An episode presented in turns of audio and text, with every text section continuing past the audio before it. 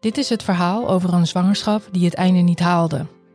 Over wat er gebeurt als je baby zo vroeg wordt geboren dat ze zonder hulp van artsen niet zal overleven.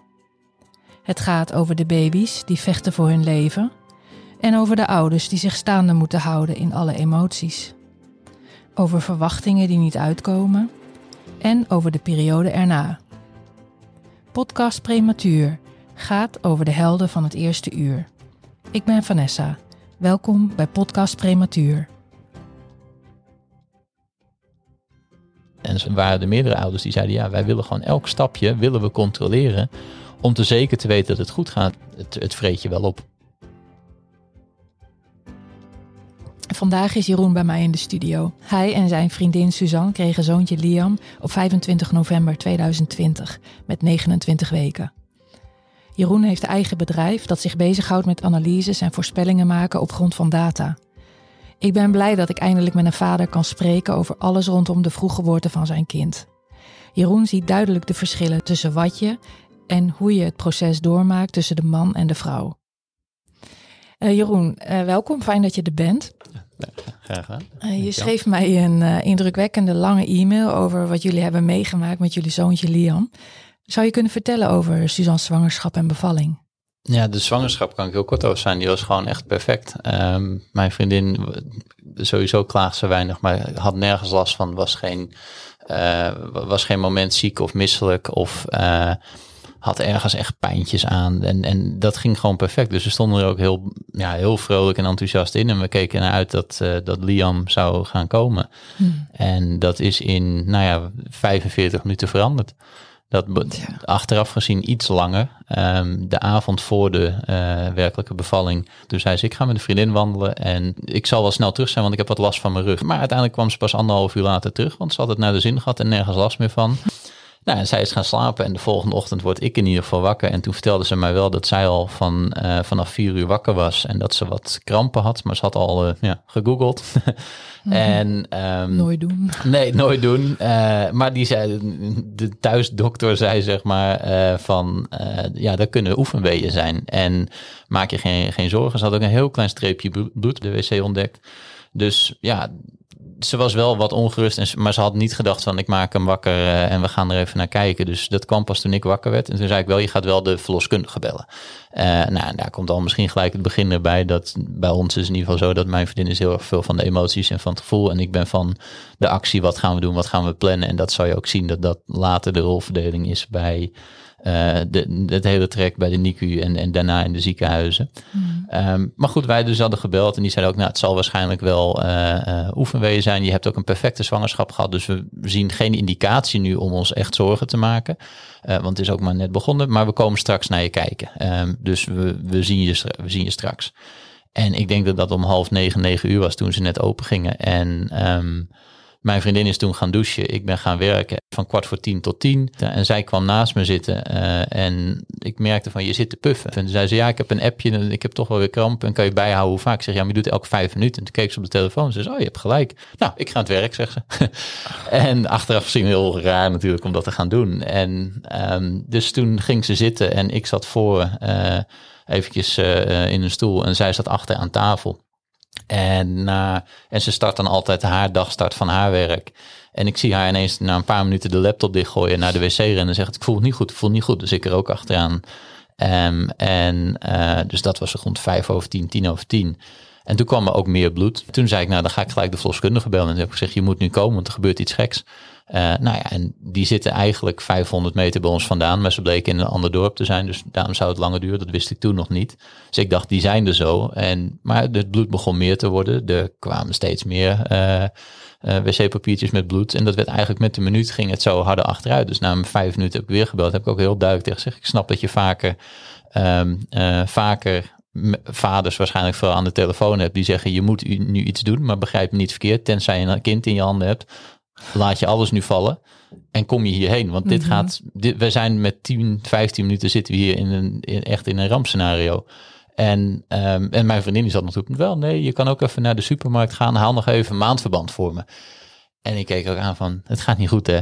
Dat gaan we niet doen. En toen dacht mijn vriendin van, oh, dit gaat echt niet goed. Hmm. Ehm, en, en, en nou ja, in- uiteindelijk roept zij eh, om na 20 minuten en steeds meer pijn, ook echt wel heftig bloedverlies, roept ze ineens, er komt iets aan. En dat was het moment dat wij dachten, oh, wat gaan we krijgen? En we waren nog maar met z'n tweeën. Ja. Ehm, en ehm, eh, to- toen zei ik, nou ja, weet je, ik doe mijn handen bij de wc en ga maar.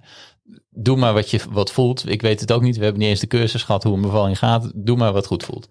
Eh, en toen zei ze, ah, hier komt het. En toen, nou ja, achteraf gezien ook alweer een grappig moment. Want ik zag een, ik had een hoofd verwacht natuurlijk. Eh, en er komt ineens een soort, ja, waterzak uit haar hangen. En zij roept heel hard tegen me, wat is dit? En ik zit ervoor en ik kijk haar aan. En ik zeg, ja, ik weet het eigenlijk ook niet. Maar het is geen kind. En ehm, dus nou ja, goed. En toen voelde ze, en zij had hem inmiddels zelf dat balletje ook vast. En toen voelde ze, omdat ik dus aangaf dat het geen kind was. En toen zei ze, ik- ja, ik denk dat mijn vliezen zijn. Nou, check dat het goed zat. En ik wist, de buurman is thuis. Ik zat met twee telefoons te bellen. Maar je moet even bij haar blijven, want er moet iemand bij haar blijven. Maar dat was 10 uur 30. En uiteindelijk is eh, de verloskundige, die luisterde in de auto mee met het telefoontje 1 en 2. En die kwam dus aanrijden. En die zei, je moet van de wc af, want dat zorgt alleen maar voor zwaartekracht dat het eh, naar beneden zakt. En ehm, eh, we gaan op de bank liggen. Nou ja, 10 uur 43 eh, stonden er al drie ambulances in de straat en was Liam geboren. En, en daar begint dan ook je traject, zeg maar, omdat we daarnaar kijken van als vader. Je ziet dat daar gelijk al je rol is om het te dirigeren. Om, je staat ernaast, je, je maakt iets mee wat je een kwartier daarvoor niet had verwacht. Eh, en ineens ligt daar een kind op de bank. En gelukkig wel met echt heel veel medisch personeel. De, de, de helikopter was al bezig met landen bij een weiland verderop. En, eh, en op een gegeven moment knikte de, de broeder die dan ehm, eh, de controle had. Die knikte van ja, we zijn zover. Eh, en toen zei ze ook tegen mij, kom erbij zitten, want anders mis je het moment. En ik ga er ook naast zitten en ik pak de hand van mijn vriendin vast. En ik wil nog zeggen, nou, succes, daar gaan we. En op dat moment hoor ik al gehuil onder. Eh, en was hij er al uit. Het was, ze zei zelf ook, het was twee keer zuchten en eh, hij was er. Ja, en dan begint het traject. En je moet altijd mee met het kind. Ook al wil je bij je vrouw blijven, er moet iemand mee met het kind om keuzes te maken. Ehm, en het, het wonder was dat hij... hij kwam eruit en begon te ademen. En dat hadden ze niet verwacht, want je hebt dus geen longrijping gehad. Maar hij ademde zelf en had ook eigenlijk hele goede bloedsaturatie. Een hartslag vertelde ze gelijk. En eh, En eh, met welk gewicht is hij geboren of welke lengte, weet je Eh, ja, dat weet ik. Dat is 40 centimeter en hij is met 1596 gram geboren. Alleen hij zat echt vol vocht en hij viel ook wel af naar 1340. En hoe vond je dat om hem zo te zien? Ja, heel gek, want wat ik zeg, je, je, eh, je begint aan een traject waar je een uur geleden dacht van, nou, dan gaan we maanden, over een paar maanden zien we dat. En ineens ben je vader. Ik vergat ook dat ik vader was, want ik, waar, waar het dan echt begint is dat Liam moest in de ambulance en de traumaartsen uit de helikopter gingen erbij, maar er was geen ruimte meer. En toen hebben ze een van de andere ambulances gebruikt om ons met z'n tweeën naar Alkmaar te rijden. Ehm, en ik stapte in en die broeder die deed iets geks, maar wel iets heel goeds wat mij daarna is bijgebleven. Die pakte zijn sleutel en voordat hij me in stopcontact deed, deed hij zijn hand op mijn knie en hij zei, dit gaat zwaar worden, je moet gaan volhouden. Ah. Ja, en dat is wel gek. Dat, achteraf, als je, bedoel, als je dat ziet, als je daaraan denkt, dan denk je van, waar ga ik aan beginnen? En ik zei alleen maar, nou, we gaan doen, let's go. Ja, en daar begint, nou ja, het hele spel bijna van de NICU, van, van ziekenhuis in, ziekenhuis uit. Eh, eh, en, en ja, ja, het is ook gek, want je zit, je komt in Alkmaar binnen en jij bent mee om, nou ja, te monitoren hoe het met kind gaat, maar ook, ook de keuzes te maken. En, en gelukkig hoefden we eigenlijk weinig te doen, alleen maar te zeggen behandelen, behandelen, behandelen. Want eh, hij had weinig complicaties, wonderlijk. Daar snapten ze zelf ook niks van. Dit was in een, eh, dit was al een ziekenhuis. Dit, dit was gewoon ergens in een behandelruimte. Eh, Op de eerste hulp, ja, daar hadden ze een, Ja. eh, hadden ze een noodkamer voor ons ingericht. En jouw vriendin die. was nog thuis. Ja, en, en dat Ja. is ook gelijk het gekke, hè, dat eh, mijn vriendin die heeft haar kind, ehm, ehm, ja, dat kwam eruit. Dat heeft vijf seconden op haar buik gelegen toen ze de navelstreng doorknikte. En daarna ging het naar ons, naar achter, waar dus de hele behandeltafel en alles klaar stond. En waren ze met haar bezig, want ze waren ook nog steeds met het idee, als dit zo snel gebeurt, dan moet er iets fout zijn met moeder. Dat moet. Eh, want we gaan haar checken. En natuurlijk moest ze nog de nageboorte eh, eh, eruit krijgen. Eh, dus zij is pas tien minuten later naar Alkmaar geko- ge- gekomen. Ehm, en wel ben ik dan de hele tijd eigenlijk tussen haar en eh, Liam heen en weer gegaan. Totdat zij eh, eh, klaar was eh, met ook behandeld worden. En dat ze naar hem toe mocht. En toen zeiden ze ook van we gaan naar Amsterdam. Ja, ja. Want, want dit is dus het punt, hè? het verschil tussen man Ja. en vrouw. Hier begint het al. Hè? Ja. Jij, jij bent daar waar, waar je als moeder niet bij bent. Omdat je zelf natuurlijk ook vaak patiënt bent. Ja. En, en, en hoe was dat? Hoe was dat om te zien hoe die artsen... Had je angst of Nee, voelde je... Zat je nog... Kon wat door de adrenaline? Of, natuurlijk. Toen ik de sirenes hoorde in de wijk, dacht ik van, oh, dit is oké. Eh, zij doen dit vaker en, en ehm, zij, zij weten wat te doen, et cetera. En ik heb achteraf pas geleerd dat dat niet het geval was. En dat niet om hen tekort te doen. Eh, maar dit maken ze ook, nou ja, bijna nooit mee. We hebben later ook in het VU zeiden ze, ja, dit soort situaties, dit zijn van die vrouwen die de Python ingaan in de Efteling en naar buiten komen met een kind, zeg maar. Ik weet dat ik bij de eerste hulp zat en ehm, eh, daar, daar kwam een arts naar mij toe en zegt, of zij zei van, eh, ik ben die en die, Eh, ik ben kinderarts en ik ben vandaag jouw arts, want jij gaat met mij op mijn stoel zitten, je krijgt van mij geen toestemming om eraf te gaan, want je mag er niet naartoe als er iets gebeurt, want de artsen moeten vrij spel hebben, maar ik vertel je continu hoe het gaat en, en wat we aan het doen zijn. Ehm, en dat, was, dat vond ik echt heel sterk van het ziekenhuis dat ze dat deden. Want dat gaf mij ook heel veel rust. en toen riep de arts op een gegeven moment eh, van... eh, we hebben wel even stabiliteit gevonden. Wil de vader even komen kijken? Nou, ik dacht, ja, dat is een goed idee. En eh, ik zat om me heen te kijken. En nou ja, goed. En toen tikte die arts me aan. Dat is jouw rol, hè? Ik denk, oh, dat is mijn rol. Dat is waar ook. Ik ben de vader. Ik ben net vader geworden. Eh, je had niet door dat het over jou ging. Nee, ik had die hele associatie nog niet van. Want dat is wat er gebeurt natuurlijk. Op het moment dat je een kind krijgt, op niet het moment dat je het verwacht. De, de, nou ja, de- er is een stuk van het hele traject van landen van het idee. En, en ik ben ook eigenlijk vergeten dat mijn vriendin is bevallen. En dat, nou ja, ze is het zelf misschien wel bijna vergeten. Want ze, zij zegt ook, ik weet eigenlijk heel weinig er meer van. Want het ging zo snel. En ineens ben je, nou ja, vader en moeder. En de, de focus ligt heel erg natuurlijk. En dat is niet verkeerd hoor, begrijp niet verkeerd. Maar de focus ligt heel erg op het traject wat eh, eh, de moeder meemaakt. Maar als vader, ja, sta je er soms een beetje lullig bij. Want ja, in mijn ogen had ik ook soms wel bijna iets gewonnen. Want eh, ik deed mee aan een traject met buidelen, met zorgen voor mijn kind, terwijl het er nog niet had moeten zijn. Eh, mijn kind zien groeien op mijn borst, op mijn buik. Gewoon dag in dag uit vier, vijf, zes uur daar liggen met hem.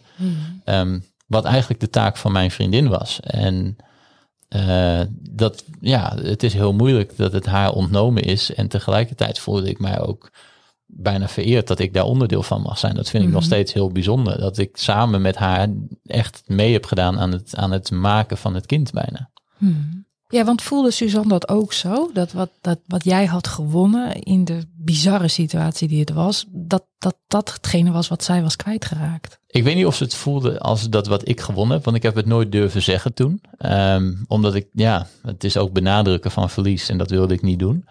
Ehm, ehm, maar zij voelde wel echt als van, ik ben iets kwijtgeraakt. Ze zei ook van, ik was zo mooi zwanger. Ik was, wat ik zei, het ging ook perfect. En daarom was ze ook echt trots op. Ze had amper een buik eigenlijk. Die begon net twee, drie weken te komen. En nou, dat, dat was echt haar pronkstuk van, ik heb een buik. En ja, dat was er niet meer. Die buik, die was ook, ze, ze, ze, ze wilde, dat was het eerste wat ze in het vuur zei. Ik wil nog zwanger zijn en mijn buik is weg. En dat klopt, die was helemaal weer, nou ja, zo goed 90% weer terug naar normaal, zeg maar. Zo snel als dat dat ging. En, en, en dat was, nou ja, s ochtends was ze nog, eh, zeg maar, gelukkig. En smiddags was het al helemaal weg. Dat, dat, dat deel, hè. Ik bedoel, ze was heel gelukkig dat hij het goed deed. En, en dat we in ieder geval de eerste dag hadden overleefd. Ehm, maar tegelijkertijd was er natuurlijk het verdriet van, van ja, ik ben mijn zwangerschap kwijt. En, en gaat het goed komen met hem? En, en voor mij was het alleen de focus, het moet goed komen met hem en het moet goed komen met ons. En de zwangerschap kwijt, dat, dat begreep ik niet. Ja, want dat gaf je aan, hè, dat, dat als je het hebt over de rol van de vader, zo, zo heb jij dat ervaren. Hè? Dat gelijk aanpakken en dingen oplossen, controle houden, sturen. Ja. Terwijl, terwijl misschien voor Suzanne het meer ging om het proces op dat moment. En ook al gelijk een stuk rouw en verlies en verwerken en accepteren. En dat is toch wel een verschil dan.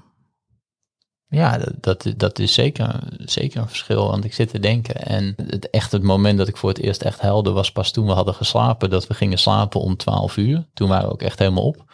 En ik schrok om twee uur wakker van iets. En, en toen hebben we denk ik samen een uur liggen huilen. En terwijl bij haar was natuurlijk al veel meer emotie geweest. En bij mij was het alleen maar, we moeten die dag doorkomen. En nou ja, je noemde het in het begin, ik werk uh, op een analytisch vlak. Dus ik ben heel veel met cijfers en voorspellingen en trends bezig. En ik zat alleen maar te rekenen van wat zijn. Ik vroeg ook aan de artsen, wat zijn zijn kansen? Wat gaan we doen? Wat gaan we. Eh, ik, ik wil weten waar we naartoe kijken. Ik wil weten welke keuzes ik moet maken zodat ik voorbereid ben. En zij had alleen maar zoiets, ik wil bij hem zijn. Ja, kijk. En, en, en, en dat is een. Dat is dat verschil. Ja, dat is dat verschil. En, en ja, het, het, zijn zoveel gekke dingen. Ik keek ook naar een vader een paar bedjes verder bij ons de tweede dag. En die was gewoon heel stabiel bezig met zijn kind verschonen en, en bezig. En ik zei ook tegen de verpleging, ik zeg, ik wil dat. Ik, ik wil dat kunnen. Ik kan het nu niet, want ik ben wel echt door ze uh, uh, ja, getest in die zin. We kregen gelijk de eerste dag uh, een hersenstam-echo. Dat zijn geen prettige dingen om te zien, want dat, hij gaat best wel aardig de fontanel in. Um, en ik had daar moeite mee. En, en dus dan ineens kwam ook de emotie naar voren. En dan stond, merkte je ook dat ik veel meer weer op lijn stond met mijn vriendin. Dat we ook samen naar buiten liepen van dit kunnen we even nog niet aanzien. Um, maar ik was daarna wel gelijk bezig met dat ik die andere man dat, dat zag doen. En ik zei, ik wil dat ook. Ik wil die rust hebben. Ik wil ik wil zo voor mijn zoon kunnen zorgen en, en er voor hem zijn. Daarna hoorde ik grappig genoeg dat hij maar twee dagen langer bezig was dan ik uh, op de NICU. Dus ik had zoiets van, oké, dit gaat snel komen. Mm -hmm. was ook gelijk mijn doel dan. Daarbij op een gegeven moment, omdat we merkten dat Liam stortte de tweede dag dat we daar waren, stortte die in. Toen ging het zo fout, s ochtends al een beetje, wat hij moe. En we wouden met hem gaan builen om hem gerust te stellen, maar hij lag niet goed. En nou ja, dat ging fout. Het kostte hem heel veel energie. Um, en toen hebben ze smiddags toch alsnog besloten om hem te gaan beademen en inderdaad in, intuberen en de hele zaken daaromheen. Um, uh, omdat ze zeiden, nou, als het niet hoeft, dan is het heel fijn dat dat niet hoeft, want het heeft gevolgen uh, voor de longen. Maar als het moet, dan moet het. En toen moest het dus toch nog. En maar toen hebben we gezegd van op een gegeven moment, omdat hij zo slecht ging, um, bij het bed zijn wij vader en moeder. En bij het bed zijn wij leuk. En is het, is het mooi dat hij er is. En alle gesprekken met artsen, alle emoties, al die andere dingen, die zijn buiten de deur. Maar zodra we die ontsmettingsruimte doorgaan, zijn wij gewoon hier papa en mama. En zitten we uh, Pluk van de Pettenvet voor te lezen. En zitten we hier leuk met hem te praten. En zitten we gewoon leuke dingen te doen. En alle gesprekken doen we daarbuiten. En konden jullie samen daarin, jij en Suzanne, een balans vinden tussen die verschillen? Ja, wonderbaarlijk ging het eigenlijk vrij goed. Want ik zeg, Suzanne is bij ons de emotie en ik ben denk ik de, de, de planning en de rationaliteit. En uh, uh, ik was mij er nu heel erg bewust van dat dit niet, dat dit moeilijker zou zijn. En daarom ga je misschien er ook meer op letten. Dat ik dacht van oké, voor jou moet ook veel meer ruimte zijn voor die emotie. En voor jou moet ook veel meer rust zijn. Dat was ook iets wat uh, verpleging bij de NICU mij echt opdroeg. Ze moet rust hebben. Nou, dat, ik kan mijn vriendin honderd keer gaan vertellen, ga in bed liggen. Dat gaat ze niet doen. Dus dat had ik ook besloten, ga ik niet doen. Maar tegelijkertijd zat de verpleging als mijn vriendin naar de uh, wc ging. Eh, want wij wisten, op een gegeven moment hadden wij ook door. Wij hebben daar een heel dossier waarin ze bijhouden hoe wij zijn. Wanneer we gaan slapen, wanneer we wakker worden. Want we belden elke keer. Als we wakker werden, belden we gelijk van hoe gaat het? Nou, dan schreef ze gelijk op. Vader en moeder zijn om acht uur dertien wakker geworden of zo. Dat hebben we een keer gezien. En dat is ook heel goed dat ze dat doen. Want ze we wisten dus ook dat wij in de gaten gehouden werden dat wij het zouden gaan halen. Maar wat er dus wel gebeurde, was dat ik erop aangesproken werd. Dan ging mijn vriendin even naar de wc. Ze, ze slaapt te weinig. Ze moet veel meer rusten. En dacht ik, ja, maar wat willen jullie dat ik doe? Ga ik thuis serieuze ruzie staan maken om mijn vriendin naar bed te krijgen en te zorgen dat ze twee uurtjes slaapt? En zei ze, ja, maar normaal heb je een vroedvrouw die dat doet. Ik zeg, ja, en dan mag zij de ruzie gaan maken. Maar ik ga niet thuis ruzie nu maken. Mm -hmm. uh, dat heeft geen zin. En ja, de, de, een voorbeeld wat ik ook uh, uh, nog altijd voor me zie, is dat ik zei tegen haar, oké, okay, jij moet dat kolven doen. Ik, hoe graag ik het zou willen, ik kan dat niet doen. Mm. Um, maar ik kan wel alles daaromheen doen. Dus ik kan zorgen dat alles altijd elke keer helemaal steriel en schoongemaakt wordt. Ik kan zorgen dat alle, alles in de vriezer staat. Al, al die dingen. Dus zij hoeft alleen maar in bed te zitten, het apparaat aan te sluiten en dat kolven. En alles daaromheen deed ik dan. Maar ja, dan krijg je wel, ik denk dat het de tweede derde, of derde nacht was, had ze iets van crème mee om het wat uh, soepeler te maken. Ja, die waren we natuurlijk weer kwijt, want die had ik ergens neergezet. Daar ben ik een kei in en dan vergeten waar. Um, en uh, dus ik zei, maakt niet uit, ik ga hem zoeken. En dan sta je beneden en dat, ik liep ook op mijn tandvlees natuurlijk. En dan denk ik van, nou, dan kan zij in ieder geval in bed liggen. En ik sta dus half, het is al één uur s'nachts of zo. sta dus met een lampje een beetje in de woonkamer te zoeken van waar ligt dat uh, potje. En ik hoor ineens achter me, volgens mij heb je het daar neergezet. En ik denk echt van, serieus? Waarom sta ik hier en waarom zit jij niet gewoon in bed? En ik zei dat ook. Ik zeg, ik doe dit zodat jij kan rusten. En ik kan er heel boos om worden nu, maar ik vind het ook wel heel grappig en heel lief. Maar nee, maar en dat vond zij heel moeilijk om te doen, om die rust te pakken. En ja, nou ja, ook dat is weer, het is de ideale situatie om slaande ruzie te krijgen. Maar ja, ook is het de ideale situatie om te leren wat je van elkaar hebt. En uiteindelijk kwam het erop neer dat wij ook echt bijna een rolverdeling afspraken. Dat ik was er voor alle, alle, alle zeg maar administratie, alle, ja, alle, alle zorg regelen. En, en zij was er voor, um, uh, ja, voor de emotie en voor het lief zijn. Zij, we hebben ook keren gehad dat het niet goed, niet goed ging in het ziekenhuis. En dat ik boos werd en, en dingen aan het regelen was en, en pittige gesprekken had. En dat ik boos op de afdeling kwam. Dat ze zei, en jij gaat even een rondje lopen in het park. Want je gaat niet op deze manier, ga je hem niet aanraken. Mhm. En dat sloeg weer terug op de afspraak die we eerder hadden gemaakt. Dat zet wel druk erop natuurlijk. Ik accepteerde het wel gelijk vanavond. Het zat 100% gelijk. Maar je ziet heel erg dat je daar echt wel in een rol gaat. Maar die rol van jou, die, daar, daar ben je eigenlijk, je schreef dat, hè? Daar ben je eigenlijk een beetje in doorgeslagen, zou ik het zo maar noemen. Ja. Omdat zelfs toen Liam al thuis was, je schrijft na drie maanden ongeveer, ja, ben je echt de grens overgegaan en ging het echt bijna mis met je. Ja, het ging op twee vlakken ging het uh, uh, mis. Eén was dat ik wel veel. Liam werd voor mij een project. Wat ik zei, ik ben, ik werk voor mezelf, dus ik ben gewend om naar doelen en projecten waar echt hele de verantwoordelijkheid bij mij ligt te werken. En dat gevoel kreeg ik ook bij Liam. Liam was een project wat ik op een deadline, en de deadline was gewoon de uitgerekende datum, uh, moest af hebben. En dat hielp heel veel, want daardoor kon ik gewoon veel betere keuzes maken. Kon ik gewoon eigenlijk weer terugslaand op die emotie, kon ik dat loskoppelen en gewoon heel, ja, zeg maar, analytisch ernaar kijken en, en zonder emotie een keuze maken wat nu het beste was. Maar dat houdt ook in dat je een beetje die binding en de vadergevoelens en de roze wolk die je normaal altijd hoort. Nou, die, die roze wolk is er sowieso niet natuurlijk, die weken, zeg maar, die er hoort te zijn. Maar je gaat er nog verder van afstaan. En dus toen hij thuis kwam, kreeg ik ook wel dat ik dacht van oké, het project is afgerond, maar nu moet het mijn zoon worden. En dat, dat gebeurde niet. Waar je bij een heleboel vaders altijd hoort van ja, maar uh, hè, voel ik mij wel vader? En dan zeggen ze allemaal dat gebeurt bij de geboorte. Ja, dat stukje, die hele binding en dat mooie gevoel, dat was er niet. En dan ben je thuis, project af. Dus eigenlijk is dat het begin. Terwijl voor mij was dat al een soort van eindpunt. En moest ik opnieuw gaan wennen aan hem. En waar het dan fout ging was ook. Maar op een avond zat ik met hem op de bank rustig, niet tv te kijken, maar gewoon alleen met hem. En op een moment weet ik niet waarom eigenlijk, maar toen ineens zei mijn vriendin iets toen ze ging slapen en kwam het besef dat hij mijn zoon was. En toen heb ik ook echt, nou ja, op de, gewoon op de vloer met hem gelegen en, en gewoon alleen maar liggen huilen met hem. En hij was heel relaxed. Dat is ook nog het grappige. Hij keek me alleen maar zo, hm, gezellig. en ja, en, en, en dat was wel ook gelijk het moment dat, dat, dat die binding, zeg maar, waarvan ze zeggen dat komt bij de geboorte, dat was het toen ook wel ineens. Mm. En, en, en het andere moment was wat ik zei, dat ik uh, omdat ik dus weer in, echter inschoot van oké, ik wil zorgen dat mijn vriendin zoveel mogelijk wel die rust krijgt en, en die roze wolk. En ook al ga ik dat niet zoals het hoort kunnen krijgen, ik kan in ieder geval alle, zoveel mogelijk ellende wegnemen. Dus ik bleef, uh, ik, ik deed alle nachtflesjes. Het was wel moedermelk, maar met een flesje. Maar dus ik ging vaak om twaalf uur slapen en om vijf uur deed ik een flesje. En nou ja, soms ging ik daarna, kon ik niet meer slapen. Dus ik sliep niet zoveel. En op een gegeven moment, ik weet niet, was hij net drie, vier weken thuis. Toen zei, zei ik tegen mijn vriendin op een vrijdagavond van, uh, nou, ik, uh, ik, het gaat niet meer. Ik weet niet waarom, maar ik zit helemaal vast en ik, ik, kan niet meer. Ik trek het niet meer. Ik doe dit nu al bijna drie, vier maanden en dat, het is op. En ik had een pijn aan mijn borst en een steek aan mijn borst. En ik dacht, hm, dat is gek. Ik kreeg helemaal een tintel in de linkerarm. En toen dacht ik, oh, dat zijn geen goede signalen. Uh, maar oké, we zien het. En toen zat ik ook een beetje half weg te knikken en te doen. En toen dacht ik, ja, ah, dat is niet goed. Dus ik heb mijn uh, vriendin geroepen. En die zei, wat is aan de hand? En die zag me, ik zei, weet je, bel mijn ambulance. Ik weet het niet, maar dit voelt niet goed. En bel. En toen kwamen ze binnen en ik dacht nog steeds van, ja, wat gaan we nu krijgen? Ben ik, inderdaad heeft mijn lichaam gezegd, het is, uh, het is genoeg geweest. Of heb ik, weet ik veel, hartritme iets.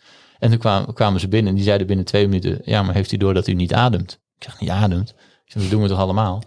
En uh, toen zeiden ze, ja, maar je hebt hyperventilatie. Dat is dat je heel snel gaat ademen. En jij hebt het tegenovergestelde. En dat noemen we ook hyperventilatie. Maar dan heb je hem andersom, dat je stopt met ademen. Ik zat alleen maar... En dan één keer in de 30 seconden of zo te doen. En mezelf dus helemaal op slot te zetten. En uiteindelijk zijn ze met, met oefeningen zijn we een minuut of veertig bezig geweest. En uh, Nou, toen voelde ik me ook wel weer oké. Nou ja, dat was voor mij wel de wake-up call van dit is, eh, dit is zo goed. Mhm. Dit, eh, we gaan het nu verdelen. En gelukkig kon mijn vriendin dat toen ook. Mhm. Die, die zei van, eh, ik heb wel wat energie weer gekregen om eh, ook eh, op te gaan pakken. En je hebt geen goede ervaring met de post-IC-zorg van het ziekenhuis. Hè? Er zijn heftige discussies gevoerd, woordenwisselingen. Je vertelde over verschillende voorvallen. Ehm, ik vermoed dat voor een deel de discussies en de woordenwisselingen te maken hebben met hoe hoog je zelf de lat legt.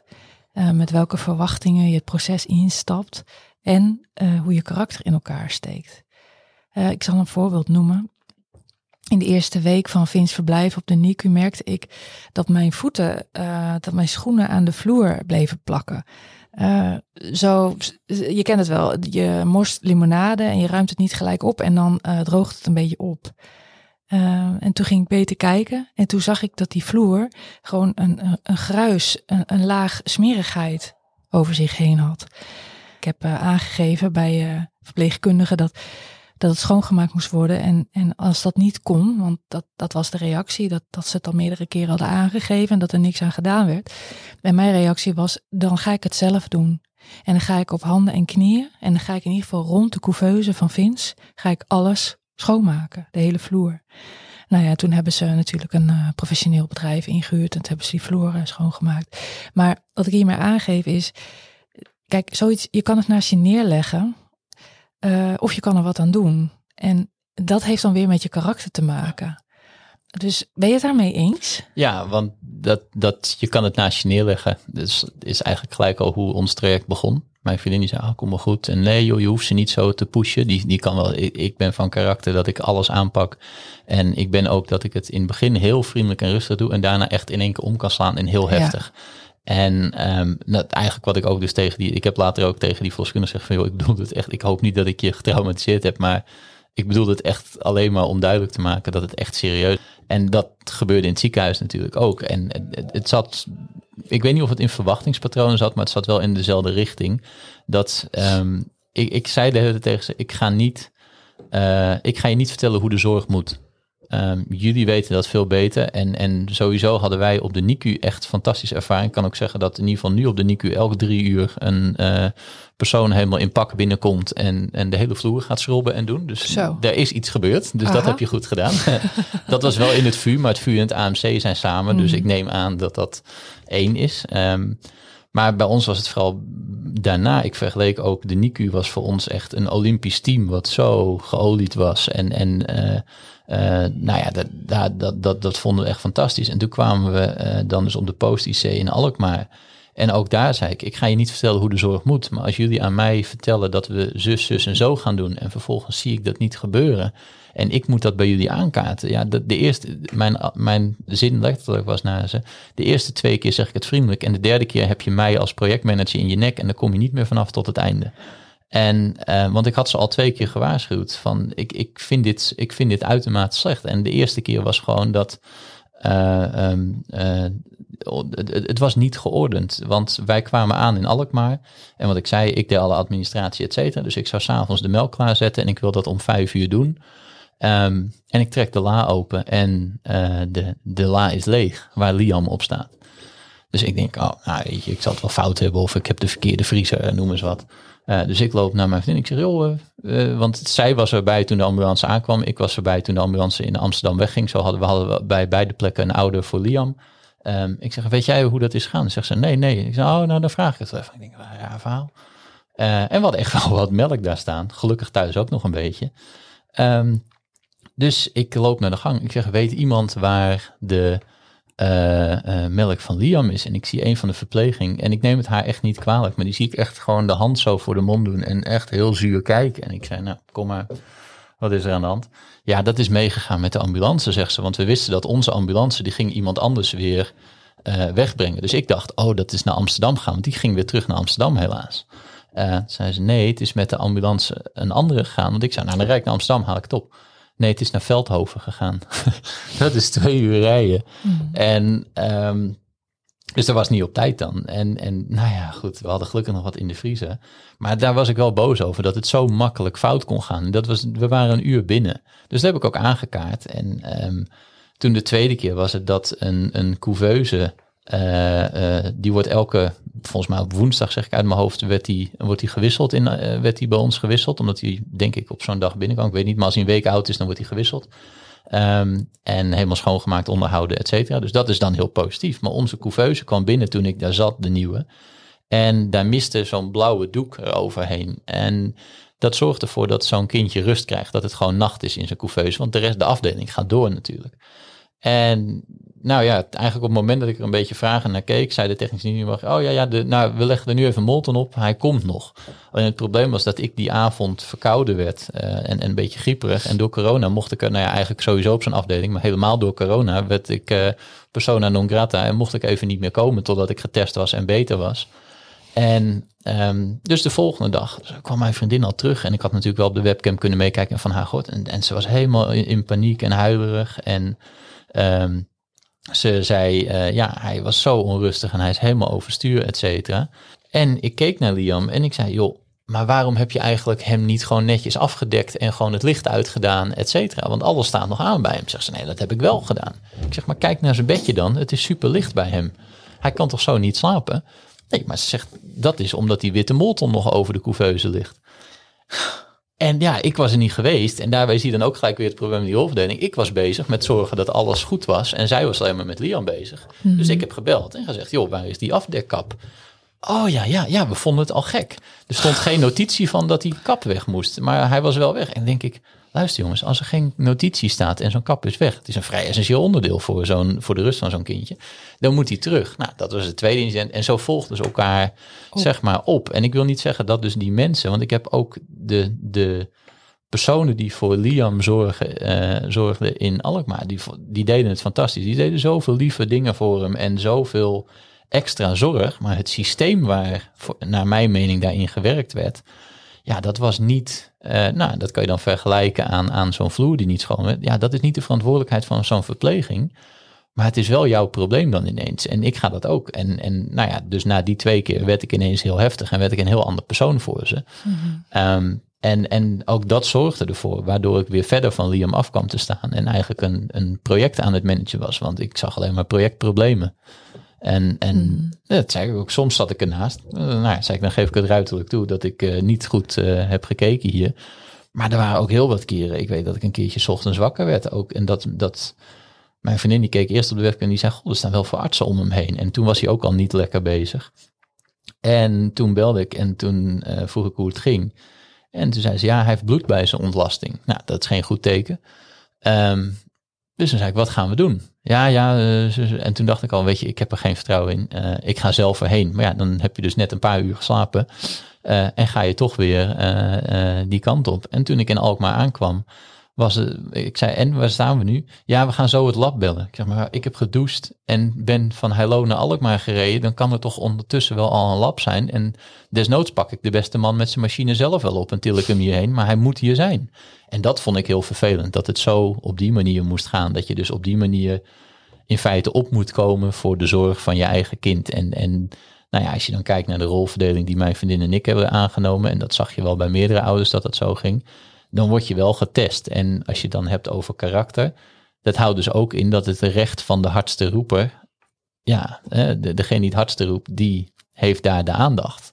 Terwijl het zou zo moeten zijn dat elk kindje die aandacht heeft. En hmm. op persoonlijk niveau hebben die kindjes 100% die aandacht. Dan, dan ben, ik die, ben ik elke dag nog dankbaar over hoe ze voor Liam zorgden en, en wat voor dingen ze allemaal voor hem deden dat als hij huilerig was, dan was er altijd iemand voor hem, als wij er niet waren. Um, Liam verveelde zich heel erg uh, schijnbaar. En toen heeft een van de verpleging heeft heel lief uh, voor hem van de kinderafdeling, omdat ze die eigenlijk niet gebruikten op de NICU of op de post-IC, hebben ze een mobiel gehaald. Nou, vond hij fantastisch, lag hij helemaal spacend naar zijn rondrijdende vogels te kijken. En dan was hij weer blij en, dan was hij weer, en dat, vond, dat zijn allemaal extra stapjes die ze nemen die mm. heel goed zijn. Alleen het staat dan in contrast dat het systeem waarin gewerkt wordt, neem even dat zo'n fout überhaupt van die melk gemaakt kan worden, of dat zo'n couveuse zo afgeleverd kan worden, of dat dus als er bloed uh, in de ontlasting zit, dat niet de alarmbellen gaan en dat we gelijk een stappenplan hebben.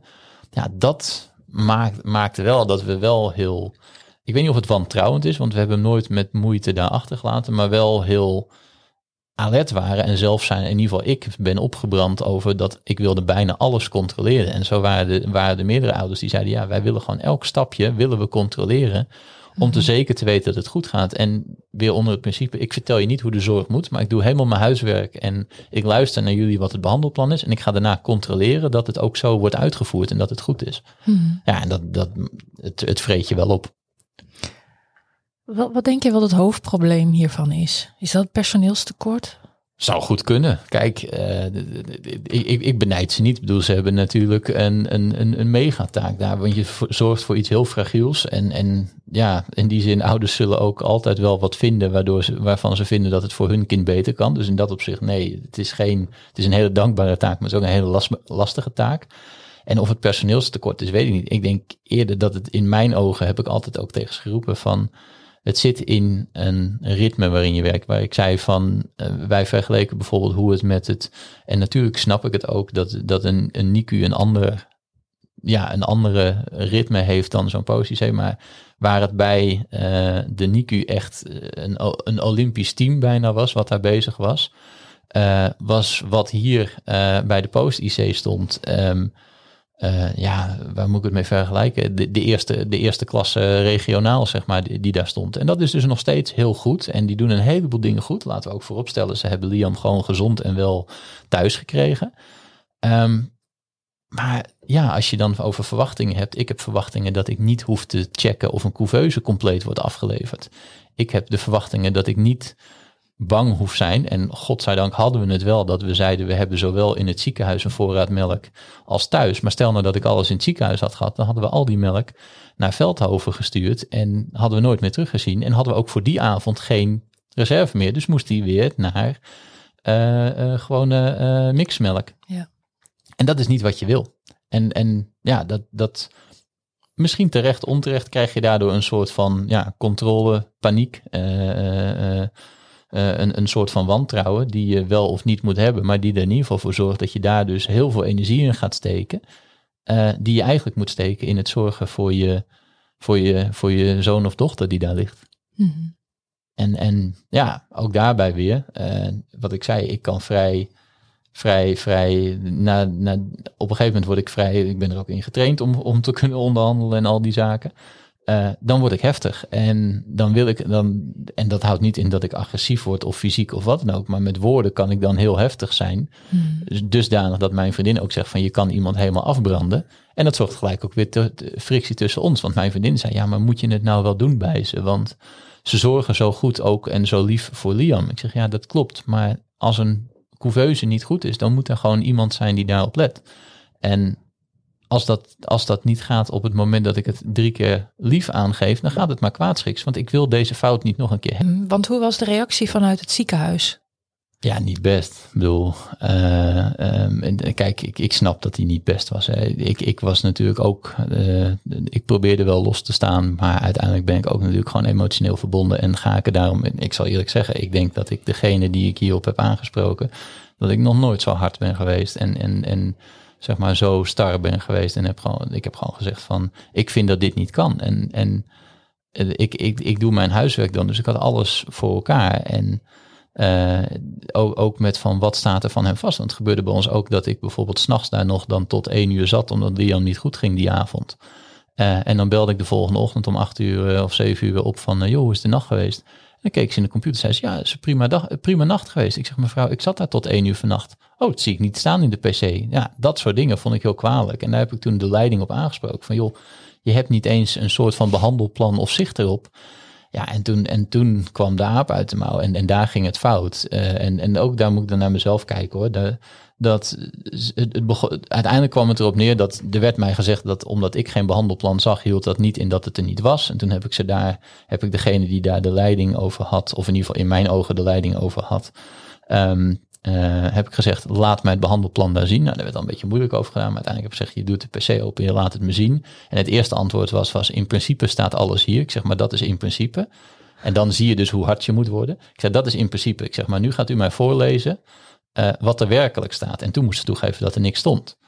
En, en ik zeg maar, dat is wat ik bedoel. Ik heb daardoor niet het vertrouwen dat dit goed gaat en dat dit gemanaged wordt. Want u zegt mij, in principe staat alles hier, maar u had waarschijnlijk al lang gezien dat daar niet zoveel stond.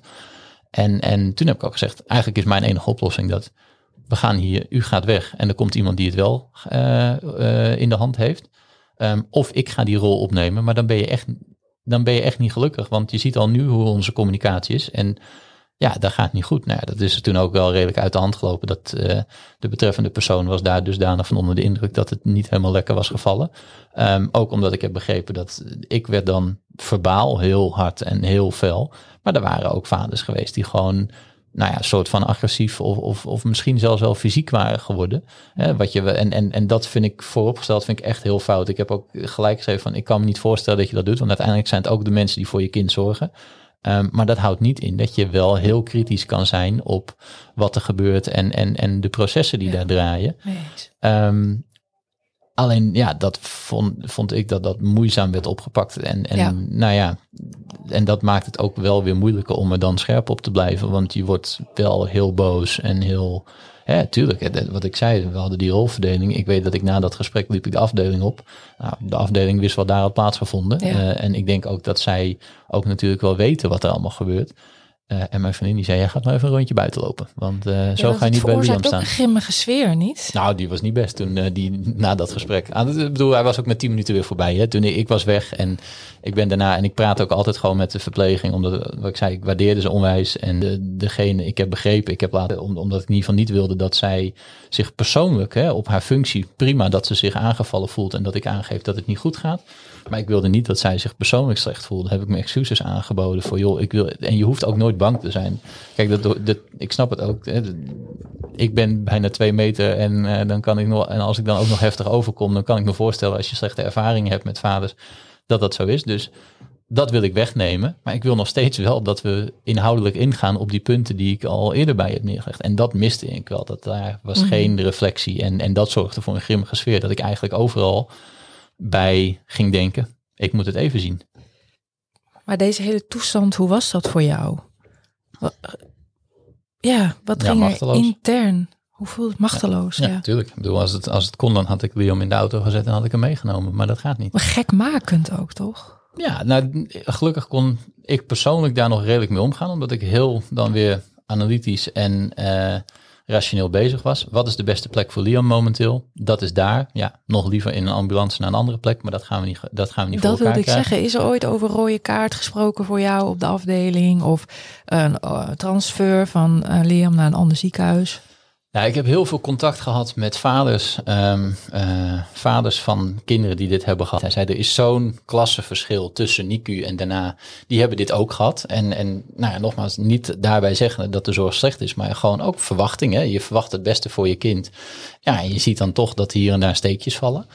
Um, en, en, en daarbij was mijn mening ook van, hmm, er zijn weinig ik weet niet of het ergens anders beter is. Dus laat ik nemen wat ik heb. Maar natuurlijk, zeker ook. Ik overleg dan alles met mijn vader. Heel veel telefoongesprekken. Als ik weer boos buiten liep. Omdat ik weer even weggestuurd was. Ja. Uh, dat hij zei, heb je niet, kan hij niet weg? Kan hij niet dit? En ik zei, ja, maar ik weet niet wat mijn opties zijn. En bovendien, wij wonen tien minuten van het ziekenhuis in Alkmaar. En we gaan dan weer naar een ziekenhuis waar ik een uur in de auto moet zitten. Ja. Dat gaat ook de zorg, gaat onze support voor Liam niet verbeteren. Dus nee reëel gezien heb ik nooit over nagedacht. Maar ik heb wel een, inderdaad een keertje de NICU teruggebeld met wat moet ik in godsnaam doen? Ja.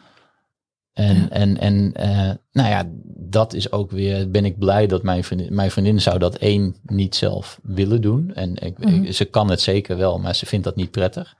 Um, en ben ik ook blij dat ze dat niet doet, want daardoor kon zij de lieve moeder blijven, zeg maar. Ja. En, en nou ja, was ik inderdaad een beetje de boze rotweiler die eromheen liep. Uh, daar waar je ook mee kan knuffelen, maar je moet er geen, uh, nou ja, geen, geen ongein mee hebben. En, mm. en, en dat is niet een leuke rol. Hoe denk je dat deze hele situatie, relatie met Suzanne heeft beïnvloed? Um, sterk gezegd, zij heeft mij wat uh, vriendelijker en, en, en wat, wat, wat, wat opener gemaakt. En um, ik nam haar dan wel eens kwalijk dat ze de boel maar de boel liet. En uh, eh, ja, niet, uh, niet, niet afging op wat er echt voor haar stond, zeg maar. En we hebben nu gezien dat samen in ieder geval wij voor Liam het beste kunnen doen. Dat aan de ene kant krijgt hij de liefde van zijn moeder en aan de andere kant weet hij dat hij mij als backup heeft die, die alles doet om het voor elkaar te krijgen. En dat de rook van dat vuur is weggetrokken, dat er dan ook gewoon weer samen papa en mama met hem bent. Het gehele traject is een bijzonder traject geweest. zeker, of voornamelijk de start. Want wij hebben heel veel geluk gehad dat Liam daarna eigenlijk nooit echt complicaties heeft gehad. Hij heeft wel eens een infectie gehad, maar die viel zijn lichaam dan uiteindelijk weer zelf aan. En dat zagen ze alweer binnen een dag. Hij heeft uh, natuurlijk alle nare onderzoeken wel moeten doen, maar er kwam altijd eigenlijk goed nieuws uit wat betreft ogen, wat betreft hersenscans. Wat, we hebben een keertje mist gehad, maar die trok een keer, die trok ook eigenlijk bij het volgende onderzoek alweer helemaal weg. Um, hij is een tijdje minder gegaan, maar dat bleek uiteindelijk ook gewoon te zijn doordat de high flow zijn buik vol pompte met zuurstof. En ook daarbij zag je dan weer over hoe het ging in het ziekenhuis. Heb ik op een nacht gezegd, dit kan niet zo verder, want hij huilt alleen maar. En dat doet hij eigenlijk nooit. Um, kunnen we niet de high flow? En dat toen werd gezegd, nou, dat is een goed idee. Um, en dan dacht hallo, ik ben vader, ik ben niet de, niet de arts. Niet de arts. Mm. Ja. En, en, en nou ja, goed, hè, ook daarbij weer de verpleging zorgde er echt wel voor dat ik dan de juiste mensen bij me kreeg om die keuze ook hard te maken. Maar ik, ik heb vaak, ik was degene die besloot als daar of de high flow vaak naar beneden ging. Ik zat daar op te pushen. Um, ik ook. Ja, ja, dat soort. Nou ja, dat, en, en dat moet niet. Nee. Dat moet niet. Dat, dat, het zorgt ervoor dat je bewust of onbewust verder van je kind komt af te staan dan je wil. En, ja. en Hè, los daarvan zat ik ook, vond, ik vond het een fantastisch iets, ook daarbij weer de, de humor ervan inzien. Dat, ik zat echt mijn vriend, ik vind het ook wel bijzonder dat hij in Alkmaar ligt. Um, uh, onze vrienden wonen momenteel dichter bij, uh, bij onze zoon dan wij. Ja. Um, en ik dacht altijd, wat een prachtig moment als je, als je kind later ergens anders woont en je gaat naar je, naar je kind toe om te fietsen of uh, om te eten of wat dan ook. En ik doe het nu al. Ik zit op de fiets alleen even om, het was toen ook in de avondklok. Dus ik zat s'avonds rond negen uur, want toen moest een flesje doen. Zat ik op de fiets naar Alkmaar als het mooi weer was. Um, en dan zag ik iedereen in stress voorbij rijden, want die moest om negen uur binnen zijn. Nou, ik had een vrijbrief. Mm -hmm. En ik vond het ook wel iets bijzonders hebben. Maar ja, op het moment dat het dan weer fout ging, was dat hele blije gevoel ook wel weer, nou ja, weg. Kom je te mhm. verder vanaf te staan. Ja, hier hebben we het over gehad. Hè? Uh, laatste aflevering van seizoen 1 over dat begrip hospitalisering. Nou, ik denk echt dat jij het toonbeeld bent van hospitalisering van een ouder. Ja. Althans, zo word je dan genoemd vanuit uh, verpleegkundige. Ja, ik kan me ook goed voorstellen dat zij in mijn dossier hebben gezet geen fijne vent. ja, dat zou ik ze ook niet kwalijk nemen. Mm.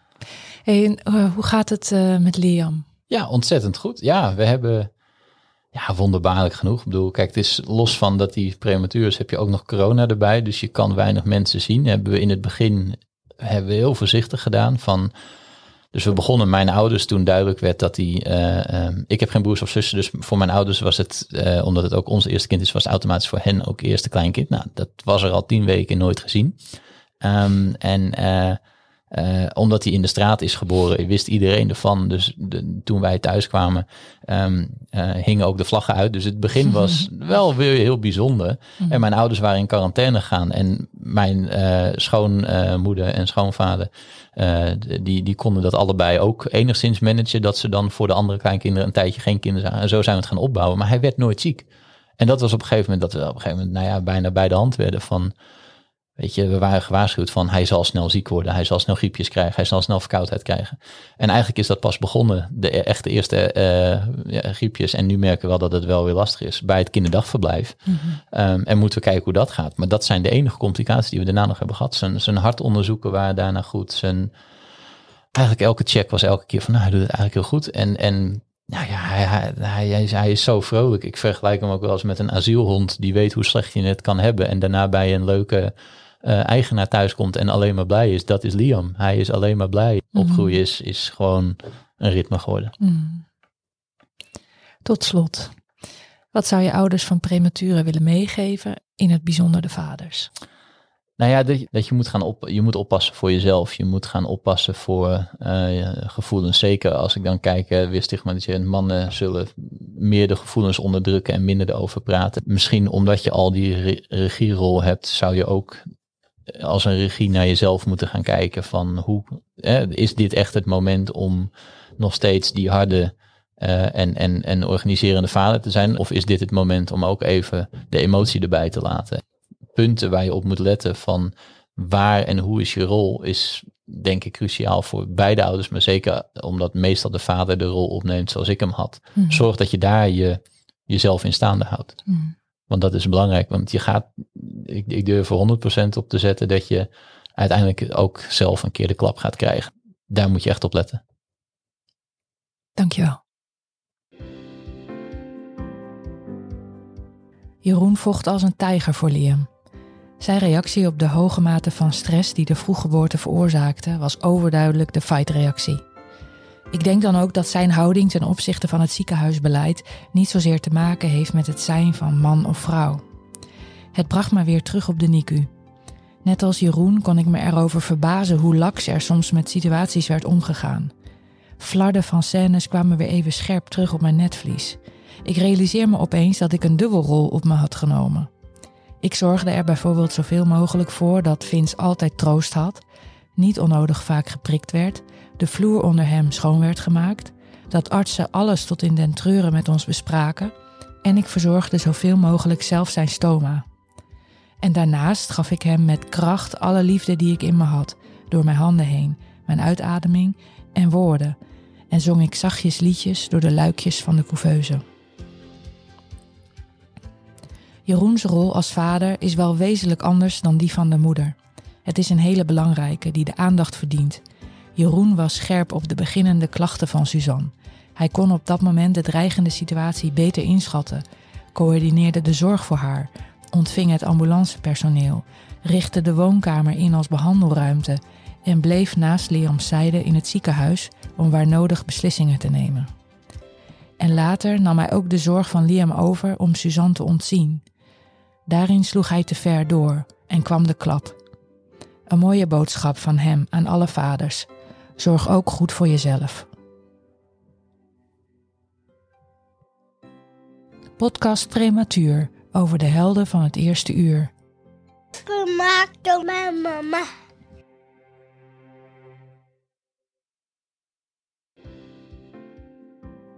Leuk dat je hebt geluisterd naar deze podcast. Ik weet niet of je zelf moeder of vader bent van een prematuur of op een andere manier betrokken bent, maar heb je iets aan deze aflevering gehad, iets geleerd, iets herkend en denk je dat anderen het ook waardevol zullen vinden? Laat het hen dan weten. Dat geldt natuurlijk ook voor de prematuurpopjes die we maken. Een belangrijk deel van de popjes doneren we namelijk aan het Ronald McDonald Kinderfonds.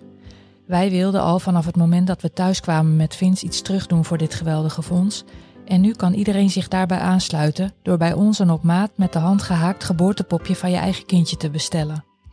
Ik denk een heel waardevol cadeau om vooral niet te vergeten hoe klein je kleintje het leven startte. Kijk voor meer info even op de website podcastprematuur.nl. Alvast bedankt en natuurlijk hoop ik dat je volgende week weer luistert naar een nieuwe aflevering van Podcast Prematuur.